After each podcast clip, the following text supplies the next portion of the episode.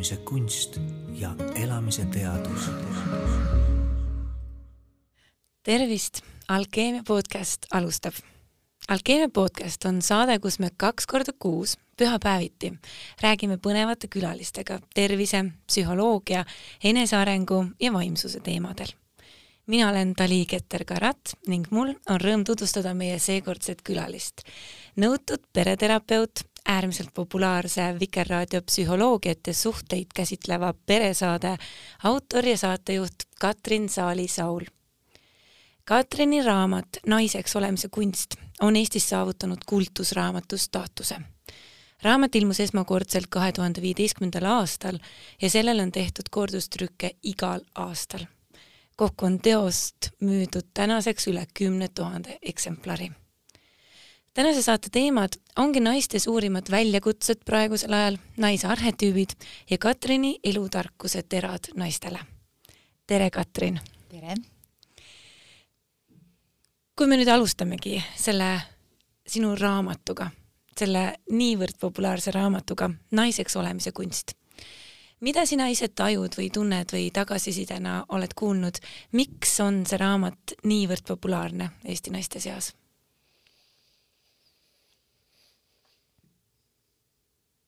Ja minu jaoks on see ju ka üllatus, et ta on saanud nii loetuks, aga ma arvan, et põhjused selles on äh, väga lihtsad, et äh, see raamat räägib väga lihtsalt äh, naise psüühika süvaolemusest.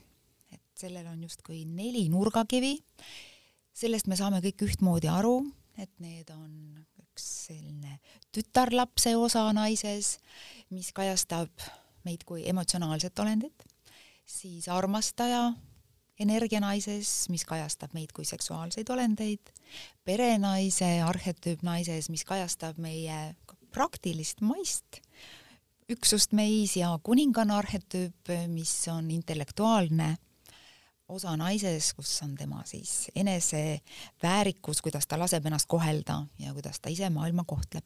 ja ma arvan, et need on sellised lihtsad nagu arusaamad mm, ühe naise psüühikat vaadata. et naine on ju üks suur tervik. ja mõnikord äh, me tahame endast kuidagi paremini aru saada ja minu aruasa-, minu arusaamist järgi on eh, naised väga uudishimulikud iseenda sisemaailma suhtes. isegi uudishimulikumad kui mehed. võib-olla ma teen möönduse, et tänapäeva noored mehed on juba ka iseenda sisemaailma suhtes väga uudishimulikud. kuid ütleme, selles põlvkonnas, kus mina olen ja sellest vanemad, on naised oma sisemaailma suhtes uudishimulikumad ja no piibliski ikkagi madu lähenes ju kõigepealt naisele, ütles, et, et oled huvitatud hea ja kurja tundmise puust, ehk oled sa iseenda tundmasaamisest huvitatud.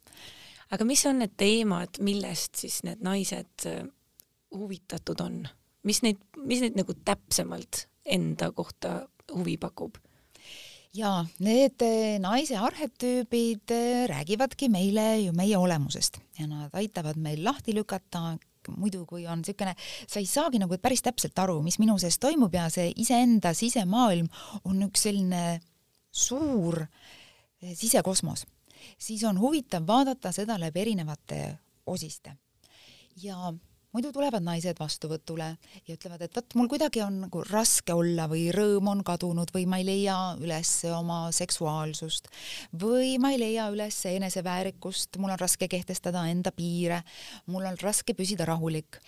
ja ma olen vaadanud, et naistel on kuidagi palju lihtsam kui anda sellele mingile konkreetsele osale endas nimi, nii nagu ka meditsiinis diagnoosiga, et sul on palju keerulisem ka iseendaga toimetada, kui sa tunned, et lihtsalt kuidagi jalg valutab või ei saagi päris täpselt aru, mis on, käia hästi ei saa, enesetunne on kehv, aga kui sa saad endale nimetuse ära anda, et mul on luumurd, siis sa tead täpselt, millega tegeleda.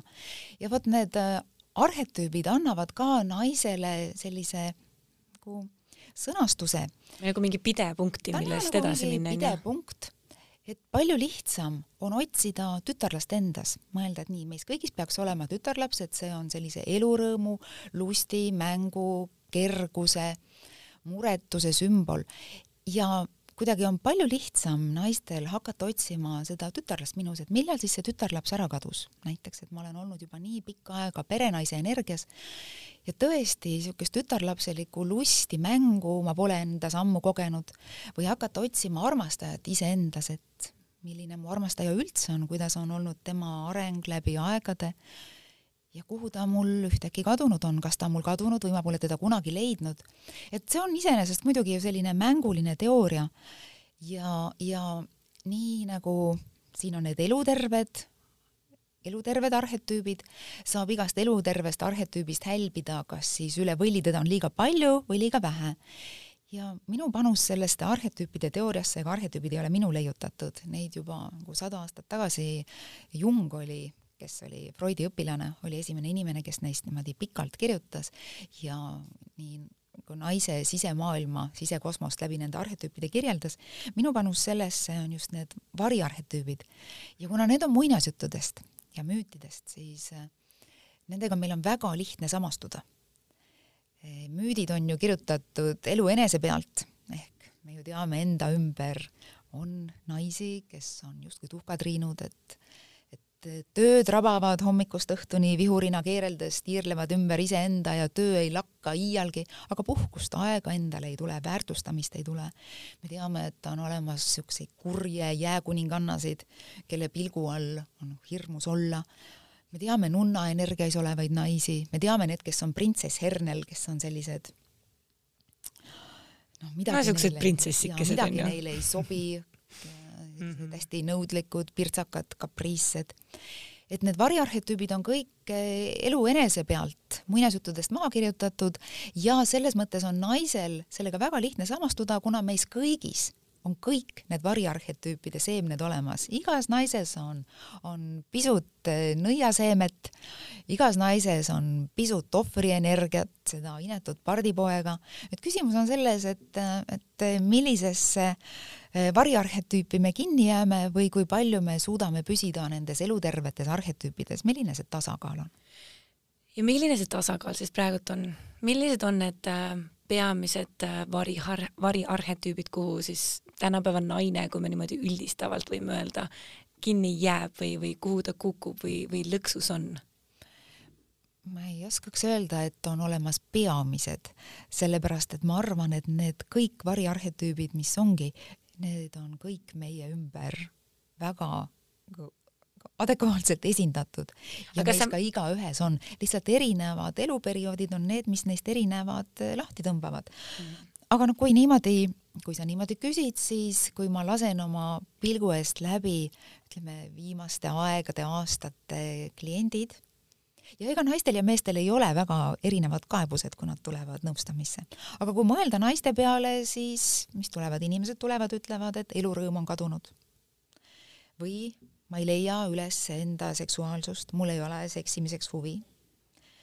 või mul ei ole hingerahu, ma ei saa hakkama oma lugematute kohustustega, mul ei ole aega, ma olen oma süsteemi ori, ma teenin oma lapsi ja ehk siis kõik need sellised äh, äh, kaebused nii-öelda on viited või vihjed sellele, et naine on ühes või teises arhetüübis kaldunud siis kas natukene üle võlli või alavõlli sellest elutervest arhetüübist.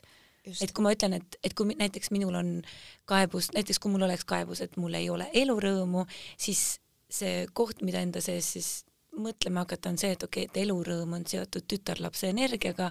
kui ma tunnen, et mul ei ole elurõõmu, siis tõenäoliselt olen ma selle tütarlapse arhetüübi ühes niisuguses mõnes vari, variarhetüübis on ju. just, et see on see inetu okay. pardipoja energia, kui, kui elurõõmus tütarlaps õhkaks ja ütleks oh,, kui tore, seal on seda rõõmu ja mängu, siis selles inetus pardipojas tõesti noh, nagu mm. seal on ainult ohked, et elu on nii raske. No millega veel tulevad inimesed, et aega iseendale ei ole, et paari suhtes on lähedus kadunud need on justkui ju perenaise arhetüübi ähm, sellised kaebused, et perenaise arhetüüp ei ole pelgalt see, et kas mu köök on korras ja, ja kraanikausid pestud ja söök on valmis, ta on puhtuse arhetüüp, puhtus siis meie noh, välisruumis, meie kodus, aga eelkõige sisemine hingerahu. Mm -hmm. segamini ruumis ei ole ju rahu, on ju lapsed käivad üle jõu, selge, see on jälle perenaise arhetüübi kaebus, siis äh, mind ei austata, minu sõna ei, ei ole tähtis, see on justkui kuninganna arhetüübi äh, variarhetüüp. ma ei oska oma piire kehtestada või äh, mu läbisaamine iseendaga pole suurem asi mm. -hmm. kas sa märkad ka mingisuguseid äh, selliseid trende või, või korduvaid mustreid oma klientide seas ähm, vastavalt vanusele? on nooremate seas näiteks mingid tüüpilisemad probleemid seoses nende arhetüüpidega kui näiteks vanemaealiste seas? ma arvan, et äh, kindlasti mingid eluperioodid toovad kaasa midagi sarnast. Äh, üks kõige sarnasem muster on see, et kui on äh, paarisuhe algab näiteks, siis on alguses seda armastaja energiat ja tütarlapse energiat hästi palju, see on niisugune hästi lustlik, tore, romantiline faas. ja, ja nagu naine on tavaliselt siis elurõõmus ja lootust täis ja kõik on alles ees. ja siis see paarisuhe hakkab aja jooksul minema ja esimene suur äh, pöördepunkt või murdepunkt on laste sünd kus juba naine oma füüsiliselt ajalt suure osa on perenaise arhetüübi energias. aga see, kui me oleme füüsiliselt, teeme perenaise tegevusi, see veel ei tähendaks seda, et me peaksime tütarlapse ja armastaja ära kaduma ent paraku arhetüüpidega on niimoodi, et kui sa ühes kohas, ühes arhetüübis nagu elutervest arhetüübist välja kukud, need arhetüübid on ju omavahel seotud nagu ühendatud anumad. et näiteks kui sa perenaisena lähed liiga perenaiseks kätte ära, kui sul perenaise müts on justkui silmini peas ja kui sa mingil põhjusel tunned, et äh, mul on rohkem teha, kui ma jaksan teha ja mingil põhjusel ei ole ka partneri tuge, siis äh, naine läheb tavaliselt perenaise arhetüübiga üle võlli ja see toob omakorda kaasa selle, et tuleb nii suur väsimus ja lapsed on ju ka erinevad, osad lapsed on tõesti illikukupaid ja, ja naised. aga no enamus ikkagi ei ole, onju.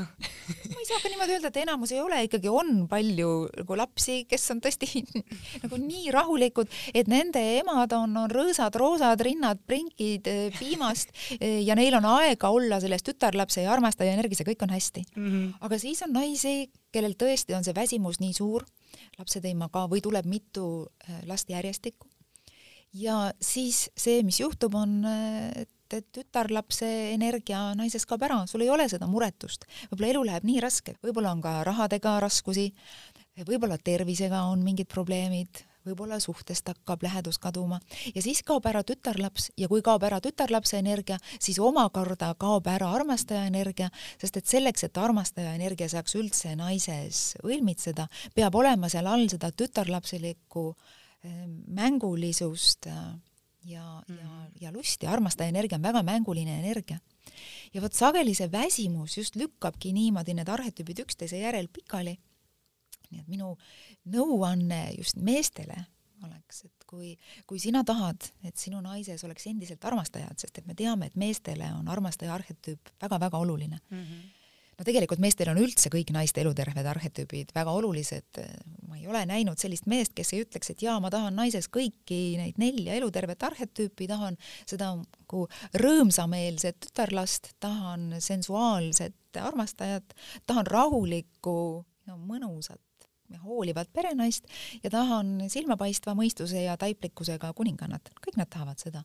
aga armastaja energia on siiski meestele väga oluline ja mm -hmm. tahad armastajat, siis äh, hoolitse tütarlapse eest. hoolitse tütarlapse eest, aga tahad hoolitseda tütarlapse eest, paku perenaisele sellel etapil, kus ta kus tal perenaise kohustusi on väga palju, hoolitse perenaise eest ja anna naisele kui kuningannale nagu kindlalt teada, et tal on olemas sinu tugi, et sa mehena suudad olla tema kuningas, teda kaitsta, ähm, tema eest äh, hoolt kanda, teda mingis mõttes jumaldada. et mõnikord juhtub aga niimoodi, et eriti kui tulevad järjestikku lapsed või naine tunneb endas, et see lapse saamine tõstab ta justkui sellisesse Madonna seisundisse, kus ta, tal ei ole mingit huvi seksuaalsuse vastu mm. -hmm ühest küljest ta võib olla väsinud, aga teisest küljest see periood, kus sa toidad rinnaga, on naise jaoks niikuinii selline väga väga intensiivne, ka ühest küljest seksuaalne aeg, see ei ole seksuaalne, aga tal on siuksed seksuaalse värvinguga, see on nii intiimne protsess, mis sul on Mhm. oma lapsega. et sageli naised kalduvad äh, sellest, sellesse nunna energiasse ja nagu nunna energia on ju selline energia, kus sul on mingi suurem missioon täita. Mis see kannast justkui nagu segamagi või häirima selle ja selle- selline tüübeljas seks, kus nüüd nagu seda. Ja, ja see mõnikord ikka pingestab paarisuhet väga, sest et kui mees tunneb, et aga mul on seda Mhm. nagu enese mahalaadimiseks ja energia juurdesaamiseks väga vaja ja nii juhtub ja mitte üks ja kaks korda, vaid ajaloos on seda korduvalt juhtunud, et mehel tekib kõrvalsuhe sel ajal ja ma olen ikka öelnud, et äh, mees ei lähe otsima kõrvalsuhtesse uut naist, ta sageli läheb otsima puuduvat arhetüüpi. Mhm. et kui oma naine on nii väsinud kodus, nii kurnatud või ta on lihtsalt niivõrd pühendunud lastele, et ta tõesti elab ja hingab ainult lapse rütmis ja mitte siis mõned üksikud sünnitusjärgsed kuud, vaid niimoodi mõningatel juhtudel mehed räägivad, et ja nii oli aastaid, et mm. alguses naine oli selline elurõõmus tütarlaps ja, ja, ja armastaja, aga kuhu see kõik kadus ja vot siis tulevad kõrvalsuhted ja see omakorda jälle komplitseerib siis naise kuninganna läheb endast välja ja, ja et no need on küll mingid sellised väga korduvad mustrid Mhm. ja kui vaadata Eesti naist eh, niimoodi läbilõikeliselt, siis enne kui see raamat sai kirjutatud, äh, ma aastaid tegin eh, selliseid õpitubasid ja seal ikka küsisin naistelt, et milliseid arhetüüpe te oma emades näinud olete, sest et oma emade pealt me ju seda õpime. ja kuningannat ja perenaist olid näinud väga paljud naised, aga just sellist elurõõmsat tüdrukut ja armastajat seal ei tõusnud sugugi mitte iga käsi, isegi ütleks, et vähesed. Mhm. ja ega ükski naine ei peakski nägema seda oma ema kui armastajat nagu seksuaalvahekorras oma isaga, seda, mida ta võiks näha, on selline soojus, käes kinni hoidmine, kallistamine on ju, suudlused ja seal on selline mängulisus ja see valmistab naist ette tema tulevaseks ei, või valmistab seda noort tüdrukut ette tema tulevaseks naise eluks. Ja tõesti ei ole üldse mitte harvad need lood, kus naised tulevad vastuvõtule, ütlevad, et mitte, et ma oleksin kaotanud kontakti selle mahlase, magusa, naudingute rohke arhetüübiga, armastaja arhetüübiga, vaid ma pole seda endas kunagi üles leidnudki, sest et ma pole kunagi üldse näinudki, kuidas minu ema ja isa vahel oleks olnud mingi armastaja side. vähe sellest, selleks, et naises see armastaja arhetüüp mm, hakkaks arenema, ta vajab ise omaenda lapsepõlves ju sellist kehalist kontakti ja on paraku naisi, kes ütlevad, et aga mind ei ole mitte kunagi elus kunagi keegi sülle võtnud mm. -hmm. mind ei ole kunagi keegi puudutanud ja neid naisi ei ole väga palju, kuid neid naisi on. Õnneks on nüüd see selles mõttes äh, teadlikkus nii palju kasvanud ja tänu sellele, et see raamat on nii populaarne, on kindlasti väga palju neid naisi, kes läbi selle raamatu, selle teadlikkuse, läbi selle juba pelgalt informatsiooni äh, saavad endas rohkem avastada neid erinevaid arhetüüpe ja saavad läbi enda avastuste pakkuda neid asju ka oma lastele. aga mida sa arvad äh, või, või mis sinu niisugune hinnang on ähm, praegusele mehe-naise suhete olukorrale ei tundu väga palju olevat selliseid kirglikult õnnelikke paare, naised on väga töökaks muutunud, nad on väga karjäärile tihtipeale keskendunud, pühendunud, lapsi saadakse aina hiljem. kas need on põhjused, miks on võib-olla sellist ideaalset ja, ja pikaajalist eelkõige isegi paarisuhet tänapäeval üha raskem leida? Ma arvan, et ideaalset paarisuhet pole kunagi olnud ja ei saa ka kunagi olema. meile filmid ja, ja raamatud tekitavad illusiooni millestki ideaalsest ja tänane maailm on tõesti see, kus meid julgustatakse, öeldakse, et noh, unista, kõike võib saada.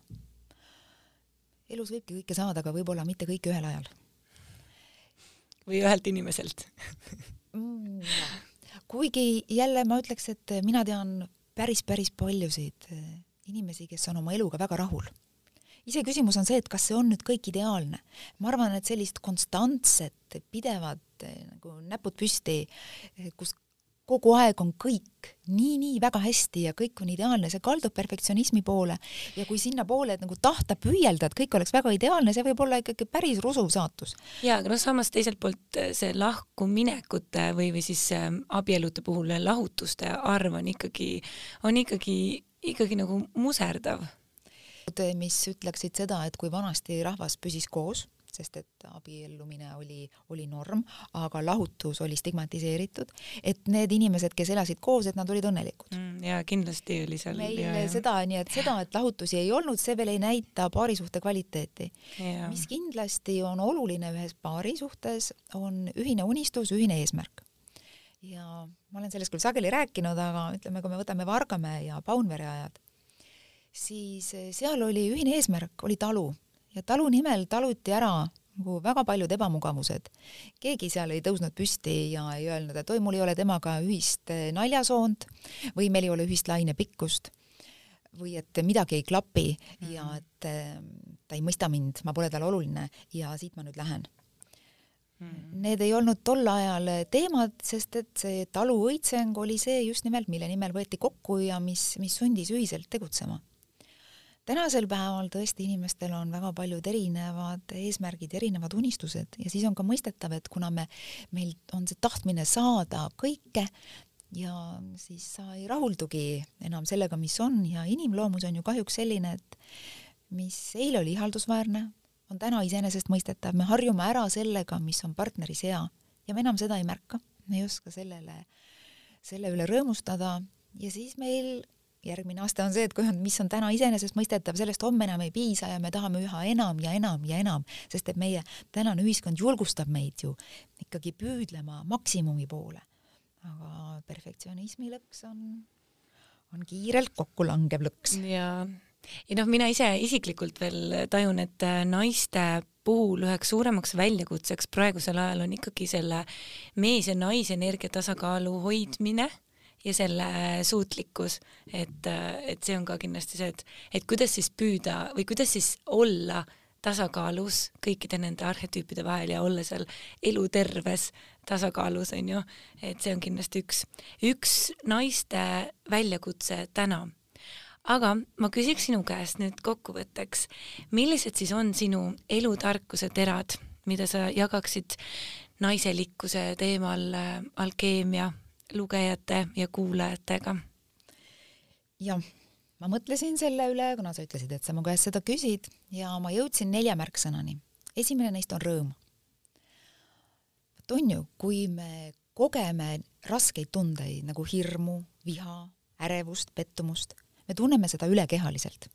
sa oled vihane ikkagi ikka tõeliselt kehas tunned seda emotsiooni meelevallas, sa oled vihane pealaest jalatallani mm. -hmm ja nüüd sa võid küsida endalt, et kas sa rõõmu oskad samamoodi tunda pealaest jalatallani. et see oleks ülekehaline tunne. ja väga paljudel meist on selline elulaul, kus on salm ja mees mind ei mõista, laps on liigselt arvutis, raha on vähe, kortsud on näos, tervis on untsus, pekke kaob uusalt, sõbrannal on parem elu, ilm on paha, valitsus on loll ja aega pole, et see on salm mm. ja võib-olla niimoodi ongi su elu. aga seda, seda rasket salmi võiksid äh, vahepeal nagu ilmestada refräänid ja see refrään võiks olla rõõm. rõõm väikestest asjadest, see ei pea olema kogu aeg selline rõõm, kus on laul ja tants ja trummipõrin ja, ja viled ja pasunad. sellist rõõmu võib-olla ei, ei koge inimene päevi, nädalaid, mõnikord isegi kuid. aga sellist vaikset rõõmu, kus sa oled tänulik sellele, mis sul on ja märkad seda, et näe, praegu päike paistab, näe, ma söön midagi head, vaata, mis mul on. me unustame seda teha. et minu kindel uskumus on see, et, et õnnelikkus ja tasakaal on, nad on oskused. Ehm, ja selle jaoks, et ühte oskust, ühte vilumust omandada, peab praktiseerima. ja minu esimene soovitus olekski praktiseerida rõõmu tundmist kuidas seda siis praktiseerida? siis teine märksõna on loovus. inimesi saab laias laastus jagada kolmeks. ühed ütlevad, et midagi rõõmsat, näed, siin praegu pole, et siin ma nüüd istun ja ootan, et hakkaks juhtuma midagi rõõmsat ja istun ja ootan ja midagi ei tule. siis on teised, kes ütlevad, et okei okay,, et ma lähen siis äh, otsin, äkki kuskil, kuskil on ja mõned tõesti otsivad ja mõned leiavad ja mõned otsivad ja mõned ei leia. aga on kolmas väike grupp, kes loob. Ta ei otsi ja ta ei oota, vaid ta loob iseendale rõõmu. ta on küsinud enda käest, et mis on need väikesed asjad minu võimaluste juures selles elus, nii tihedas, kui ma temaga tihedaks olen elanud. millised on mul võimalused äh, luua kolmas märksõna oleks mul lahkus ja sõbralikkus. olla lahke nii iseenda kui teiste suhtes loomulikult. Aga eriti oluline on just olla iseenda suhtes. Kui mõnikord elus on raske, siis tuleks pakkuda iseendale tuge ja kui sa oled parasjagu ninuli kukkunud, siis mitte riielda endaga, mitte ka olla enesega väga karm, et aga mina ei oskagi midagi siin luua ja näed, mina ei suudagi rõõmu siin leida, inimeste ambitsioonid on ka väga sageli väga suured, et see peab olema just selline väga suur rõõm. Et see tarkus on just leida rõõmu väikestest asjadest ja nii, et see oleks refrään sõna otseses mõttes iga salmi tagant. et see ei oleks nagu selline pikk Kalevipoeg um,, kus on tohutu hulk salme ja rõõmurefrääni ei tulegi ja neljas soovitus oleks mul enda tundetarkuse arendamine. Me teame tänases eh, psühholoogia maailmas, et just selline omaenda seisundite reguleerimine on hästi oluline asi. et kui sul on seisund, emotsioon parasjagu selline, et sa oled vihane või pettunud, tusane, tüdinud, tülpinud, et sa jääks sinna emotsiooni ja seisundisse kinni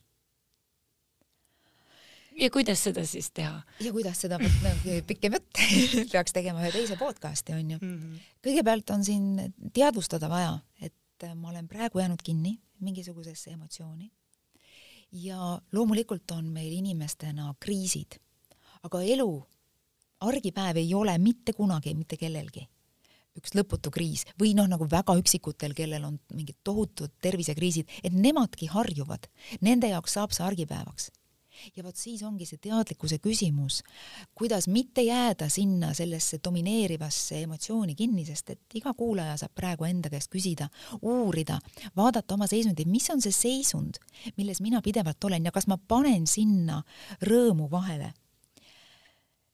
Kui ma nüüd ütlen need neli märksõna uuesti, rõõm, loovus, lahkus, sõbralikkus ja, ja see tundetarkus, siis tegelikult nad kajastavadki nelja arhetüüpi et rõõmuenergia on üks tütarlapse energia, loovus koos eh, ja, ja loovus sealt tuleva naudinguga, naudingud on armastaja energia, ehk siis see rõõm läheb üle naudinguks.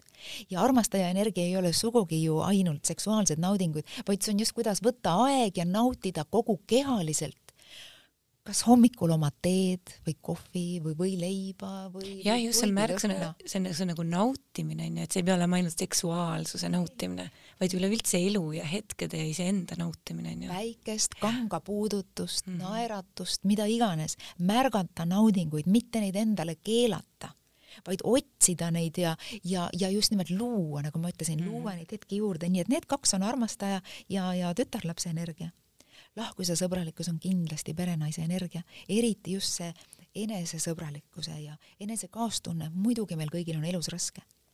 aga tundetarkuse arendamine, just nimelt igasugune tarkus on, on kuninganna energia, kus sa hoiad ikkagi selja sirgeks ja pea selgeks ja vahedaks. kuninganna energia on just nimelt selge, funktsioneeriv mõistus, kus sul on nagu ikkagi silmapaistev mõistus ja taiplikkus, sa saad aru, et ma olen jäänud seisunditesse kinni ja vot see võimaldab meil nende erinevate seisundite vahel liikuda mm. -hmm. ja, ja see vist on ka selline asi, et äh, elukestev on see õpe tõenäoliselt, kuidas nende erinevate seisundite vahel liikuda, kuidas teadlikult jälgida iseennast olemaks erinevates arhetüüpides just nimelt seal eluterves sektoris ja kuidas siis äh, ollagi ühes, ühes ähm, situatsioonis üks, teises situatsioonis teine, kui ongi laps, tuleb veel mängu, kuidas siis naine teadlikult saab saab ise valida, millises energias ta on lapsega suheldes ja mehega näiteks suheldes, et see on, et see tegelikult on kõik meie enda teha, lihtsalt me peame õppima seda jälgima, õppima seda harjutama ja, ja mulle hästi kõlab see see ühelt poolt see harjutamise märksõna, et, et, et kogu aeg harjutada ja teiselt poolt see lahkuse märksõna just, just nimelt selles võtmes, et enda vastu lahke olla sest me oleme tihtipeale nii kriitilised iseendaga ja oleme iseendale kõige suuremad vaenlased, ma võiks isegi öelda. ja nii et selles mõttes see rõõmuenergia, just nimelt sellepärast tõingi selle esimeseks, tütarlapse energia, see on nagu kõige olulisem asi naise jaoks üldse, mitte kaotada iseenda jaoks elurõõmu, et mitte mutistuda ja mitte muutuda nagu kibedaks, tülpinuks, kes enam ei taha päriselt elada, kes on äh, nagu, äh, kes enam kahjuks ei ela, et pole veel surnud, aga enam ka ei ela. jaa. ja mul on väga hea meel, et sa oled sellise suure nii energialt kui ka tegelikult mahult raamatu valmis kirjutanud juba aastal kaks tuhat viisteist, aga et see endiselt veel nii aktiivselt meie ühiskonnas elab. naiseks olemise kunst, kirjastuselt Pilgrim on see siis saada. aitäh saatekülalisele Katrin Saali-Saul. aitäh ka kõikidele kuulajatele meie tegemisi saad sa jälgida nii Facebookis, Instagramis kui ka alkeemia.ee lehel ja kui sa soovid meile kirjutada, siis sinu kirjad on oodatud aadressil alkeemiapodcast at delfi.ee. aitäh ja kohtume järgmisel korral.